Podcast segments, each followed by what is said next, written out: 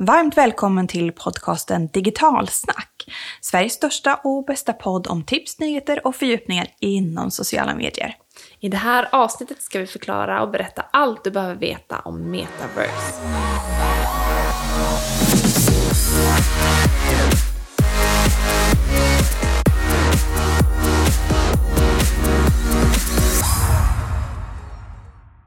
Varmt välkommen tillbaka kompisar till ännu ett avsnitt och säsong av Digitalsnackpodden får vi väl säga. Det här är ju podden som tar er in i en annan värld av sociala medier. Och en annan värld ska det verkligen bli, för i dagens avsnitt ska vi ta oss an det här som kallas metaverse. Vad det är och hur du som eh, lyssnar kan ta eh, nytta av det här och vad vi tror om eh, framtiden om metaverse. Mm.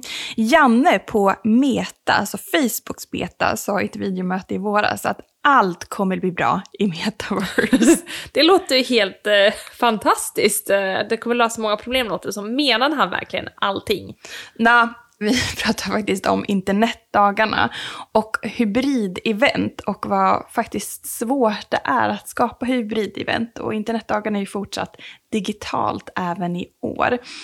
Och eh, då tyckte han att ja, men det här kommer funka jättebra i metaverse. Mm. Och Janne som är eh, policyansvarig på Meta då för Sverige och Finland, han kommer vara med på vårt spår på internetdagarna den 21 november. Men hur kul är det inte att vi får göra internetdagarna och sociala mediespåret för internetdagarna för fjärde året i rad. Och just den här dagen som den här podden släpps så släpps även biljetterna för vårt spår på internetdagarna. Och har man varit duktig och signat upp sig på internetdagarnas nyhetsbrev, ja men då kan man idag faktiskt köpa de här biljetterna till ett rabatterat pris. Men om du inte har gjort det så sörj ej. För då gör du helt rätt i att börja följa oss på sociala medier och framförallt Instagram. Sätt på en notis, favorisera vårt konto så kommer vi inom kort dela med oss av en liten present till er.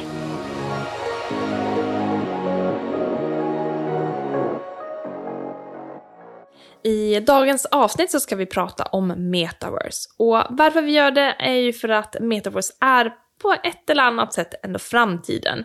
Och eftersom det är en sån stor del av framtiden kommer det här också bli en del eller på något sätt påverka eller förändra just eh, sociala medier. Så på något sätt är det en förlängning av sociala medier. Mm. Och jag tror definitivt att metaverse kommer göra sociala medier mer verkligt. Mm. Och vi ska dyka ner i det här med metaverse och lära er allt vad vi kan just nu om just metaverse. Men innan vi gör det så tycker jag det finns en viktig sak ändå att reda ut. För det är ju inte jättekonstigt om man kanske på något sätt skulle tänka att metaverse har någonting med meta att göra. Så jag tänker att vi ska reda ut vad metaverse är. Och metaverse är ju en samling av flera olika digitala tjänster eller man kan säga digitala rum man kan se det som en eh, webb fast i 3D.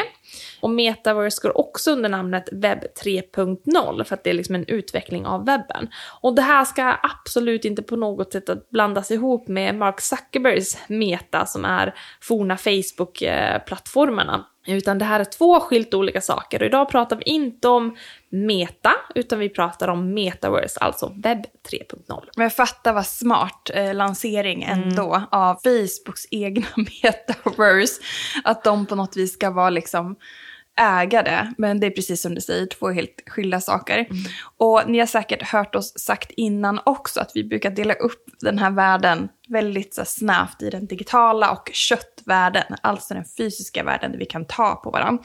Men i metaverse eller webb 3.0 så kommer då den köttvärlden eller den fysiska världen blandas med VR och AR-teknik. Så det är alltså, metaverse är alltså en överlappande verklighet kan man säga. Det, låter, alltså det, det är så sjukt att ens tänka liksom att det här är framtiden. Men den ska liksom synkronisera saker som vi gör här i fysiska världen och vissa delar av den kommer användas i AR-teknik. Och alla kan vara med och skapa den här fantastiska mm. världen. VR-teknik är ju den där när man går in i någon påhittad värld och så kan man röra runt sig. AR, då har man ju på något sätt, man får in världen, att man tar in element av det och det här blir ju någonting helt annat. Och för att kunna jämföra, för att förstå vad det här blir, så kan jag säga att vi skulle kunna sitta hemma vid en dator och jobba. Och sen känner vi att amen, den här skärmen kanske inte räcker riktigt till för någonting stort projekt vi vill planera eller något annat. Så vi kanske vill ta ut lite data och så kan vi fästa det i luften i rummet vi är och helt plötsligt kanske man kan vara helt på ett annat sätt kreativ i det man gör. Så det är med i det fysiska när man sitter här och nu, men man blandar in liksom AR-teknik och kan jobba med det. Men på ett ännu mer synkroniserat sätt. Så inte lika uppdelat som förr, digitalt köttvärld och inte heller VR, AR, utan nu är det liksom allting ihop och mer synkroniserat. Jag tycker det är roligt, vi fick en ny funktion i våran, vi jobbar ju i Google-sfären, mm. i våran Google Meet, att man helt plötsligt nu kan förflytta liksom ett Google Meet-möte till ett, liksom, ett dokument i Google Drive. Och nu kan vi jobba synkroniserat tillsammans där i liksom videomöte kombinerat med att vi skapar exempelvis en innehållsplan. Och det tyckte vi var så här, wow! och nu pratar vi om något helt annat där vi kan liksom ta ut innehållsplanen liksom på väggen och vi kan flytta saker i luften. Ja, det känns ju sjukt. Men det är kanske de där stora sakerna som, som gör att man också hittar de där mindre lösningarna som imponerar på oss i det här laget, det tänker jag. Mm. Och något mer som är intressant med just Metaverse är att vi kommer ha en annan version av oss själva som heter såklart avatarer. Ni har säkert hört talas om abbatarer, de har tagit fram ABBA fast i avatarer, fyra stycken. Och vi kommer ha en egen avatar eller avatar som eh, kan gå på konserter eller resa till olika länder eller e-sporta med andra, dela med oss av olika liksom, digitala verk. Och en supersjuk siffra som jag läste nyligen var att man tror att metaverse kommer vara värt 1,5 biljoner dollar 2030. Det är en helt sjuk siffra, den går inte ens att föreställa sig hur mycket pengar det är. Men vi kommer djupdyka mer om det här med metaverse alldeles strax. Min fundering är, hur tar man sig till metaverse? Tar man det här tåget på plattform 9 och 3 fjärdedelar? Alla ni hela eh, Springer igenom väggen för att komma åt till någon magisk värld? Eller hur gör man? Mm.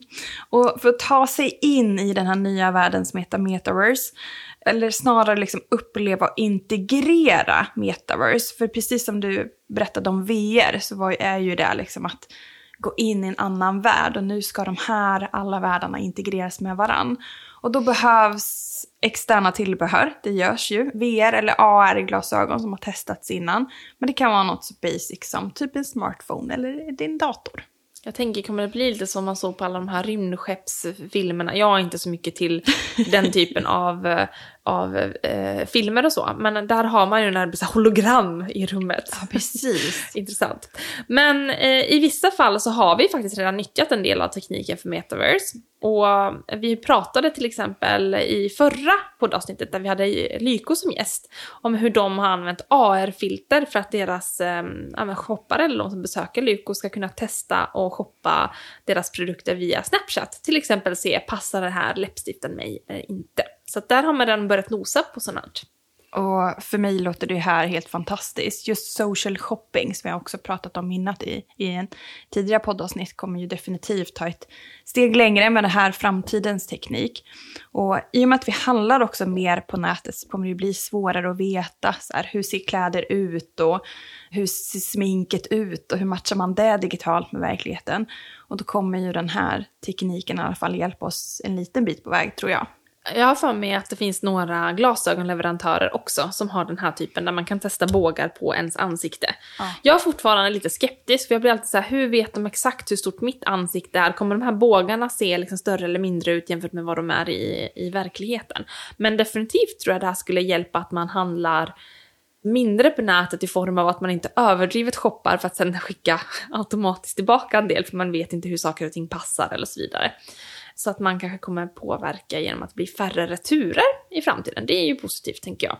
Och sen måste det bli en enorm konkurrensfördel jämfört med andra företag som inte använder sig av den här typen av tjänster. För att det är ju på något sätt ändå en hjälp till att man som konsument hittar det man vill ha. Mm. Så social shopping är ju en del som vi definitivt tror kommer att växa med metaverse. Men eh, vilka fler kan använda metaverse? Vi sa ju inledningsvis att eh, med metaverse alla kan vara där. Alla det löser allt. Ja, men precis. och alla kan vara med och liksom bygga upp den här världen. Men det finns olika branscher och aktörer som är väldigt så här, early adapters av metaverse. Och kanske är det en pandemieffekt. Mm. Att det är vissa branscher som tvingades till helt nya tekniker för att få liksom, visa och uttrycka sig. Och där har vi ju exempelvis kultur eller museum som har anammat den här tekniken att vi ska kunna... För att den är ju oftast byggt på liksom en fysisk plats eller en utställning. Det är svårt liksom att dela med sig. Och den tänker jag att just så här inkluderingstanken, vad fantastiskt det måste vara. Kommer det bli färre som reser till Paris nu för att se Mona Lisa? Ja.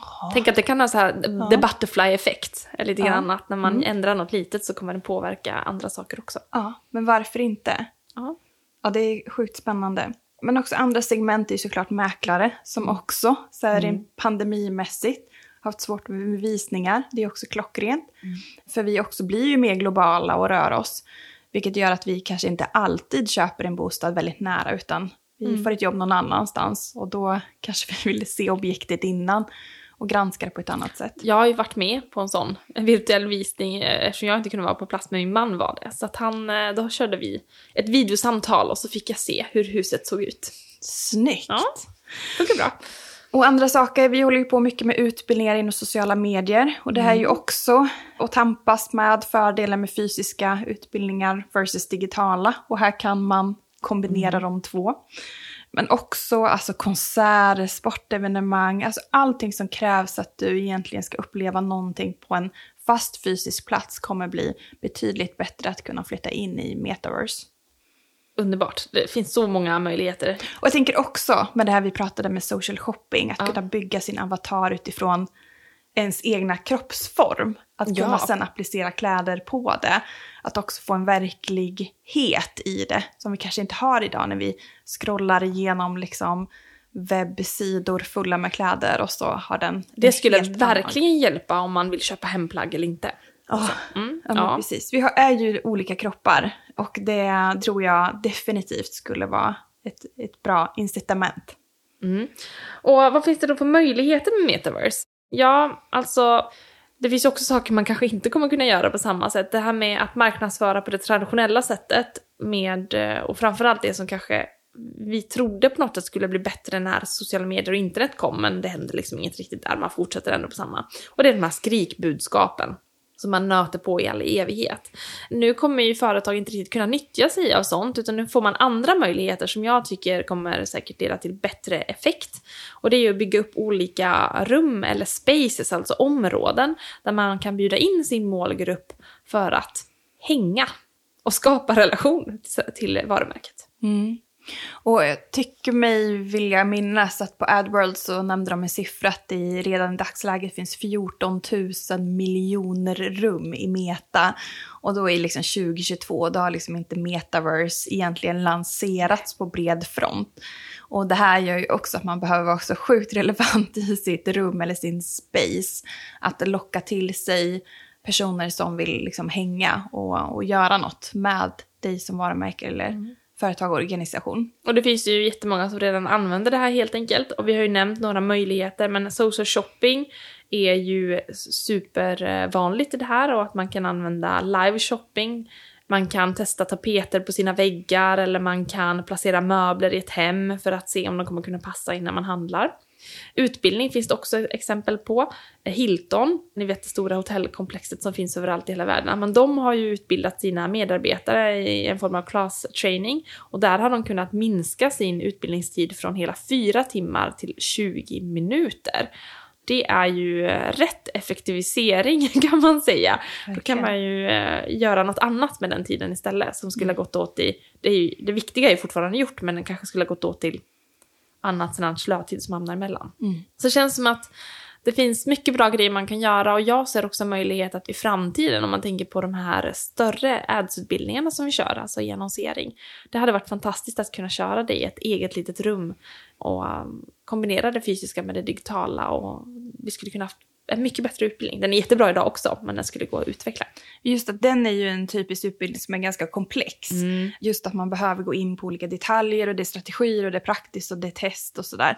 Och det kan jag tänka mig att just metaverse, när man kombinerar de här två världarna, blir liksom en perfekt kombination. Att slippa välja digitalt eller fysiskt. Och något annat som jag tycker är sjukt intressant med Metaverse är det här med influencer marketing. För när vi går in i den här liksom 3D-världen så behöver vi då ha en avatar som är oss för att kunna integrera liksom andra och uppleva saker i Metaverse. Och det öppnar ju upp marknaden för då virtuella influencers. Och i dagsläget så tror man att det finns ungefär över 200 stycken redan. Och de har genererat över 200 miljoner i reklamintäkter. Och det här är ju eh, också helt så här, va? När hände det här? Har man råkat se det utan att veta om det? Kan man också fundera.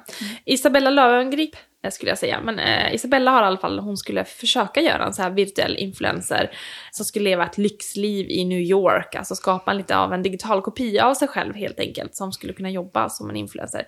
Det blev inte riktigt en superhit, hon lyckades inte som hon hade tänkt med den.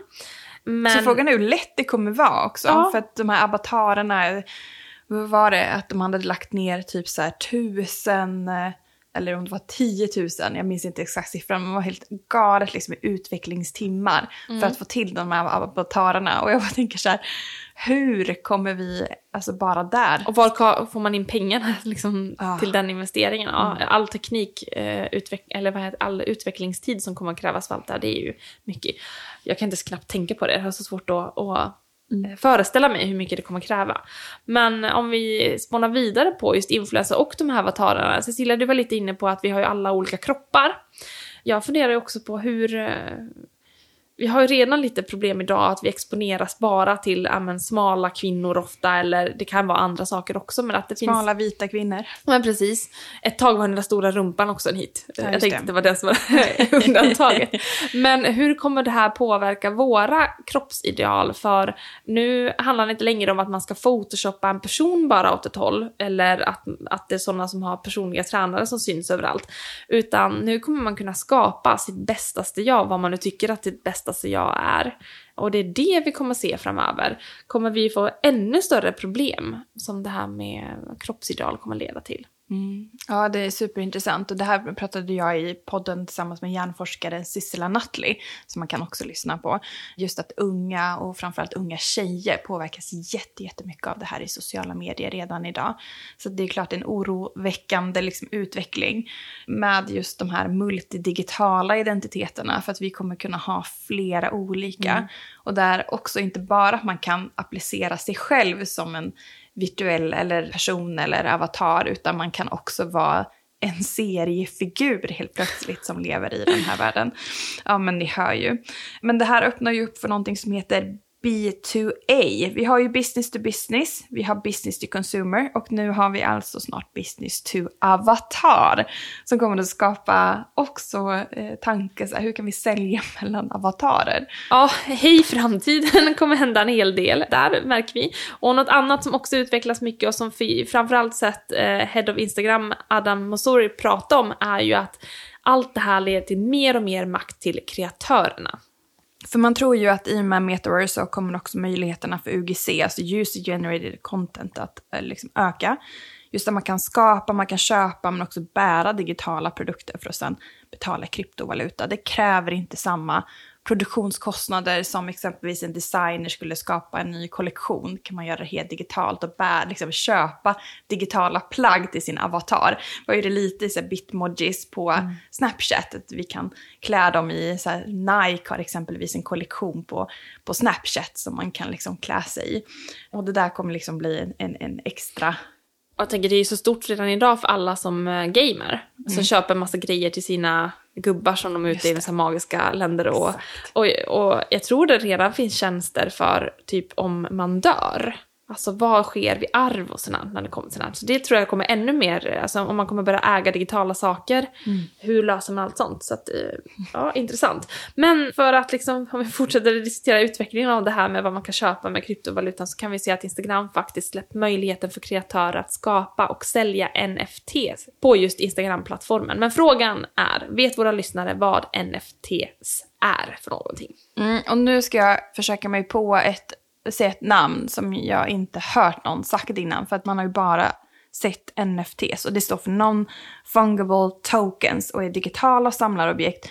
Som exempelvis om du skapar konst, musik eller olika videoklipp så kan då kreatörer ladda upp då sina objekt snart kostnadsfritt på Instagram för att sälja dem via plattformen. Det här kommer visas med en liten symbol i feeden längst uppe i högra hörnet. Med liknande taggningsfunktion som redan finns idag för liksom butiken. Idag när ser man en shopping så ser man en liten väska, för då finns det produkter som är taggade i bilden. Och på samma sätt kommer ju då det här funka, fast med då NFTs istället. Mm. Metaverse som ni hör kommer med många extrema möjligheter och kommer kasta om egentligen hela vår värld upp och ner. Och det är därför vi tyckte att det var viktigt att vi också tar upp det här i den podden. För det kommer såklart påverka även hur vi jobbar med sociala medier och hur vi kommer använda sociala medier framöver. Men det ställer ju väldigt många frågor som har liksom dykt upp med Ja. när du och jag har pratat om metaverse i den här podden också.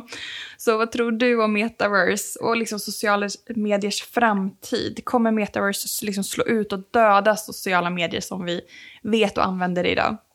Jag tänker att det är bara historien i sig kan berätta vad som kan ske i framtiden om man kollar bakåt. Och det vi vet är ju att teknikutvecklingen alltid har varit snabbare än typ beteendeförändring eller beteendeanpassning. Att ofta är det inte tekniken som är problemet, man kan skapa saker jättelång tid i förväg innan folk är redo att anpassa sig till det. Så jag tror att det kan, alltså med det sagt, dröja ganska länge. För människan generellt sett är ganska rädd för förändring, man gillar det obekvämt att göra förändring och så vidare. Så det kommer krävas väldigt, väldigt, väldigt stora fördelar och de behöver vara så sjukt tydliga att det är enklast att förstå för att man ska vilja växla över så att stora massan skulle göra det. Eller någon stor händelse som på något sätt tvingar oss in i det. Annars tror jag det kommer dröja säkert rätt länge innan det här blir, ja men, inte kommersiellt men att det är i bruk. Liksom, Liksom för stora alla. Mm. Mm. Ja, man brukar ju säga att den som lever får se, eh, Mm. men i det här fallet så kanske det faktiskt är så. Ja? Och tittar vi på exemplet Instagram, som ju egentligen slog igenom i Sverige 2012, så har det ju ändå tagit över tio års tid innan man säger att Instagram liksom etablerad bred kanal där massan nu liksom är och fortsatt så är ju den inte en prioriterad kanal för väldigt många. Så att Mm. eh, det kommer nog ta en lång tid innan vi är där i metaverse.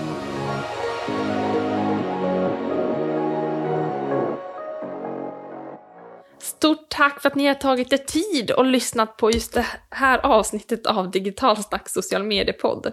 Och vi blir jätteglada när ni taggar oss att ni lyssnar på våran podd. Och skriv till oss såklart vad ni tycker om det här avsnittet eller om ni har några tips.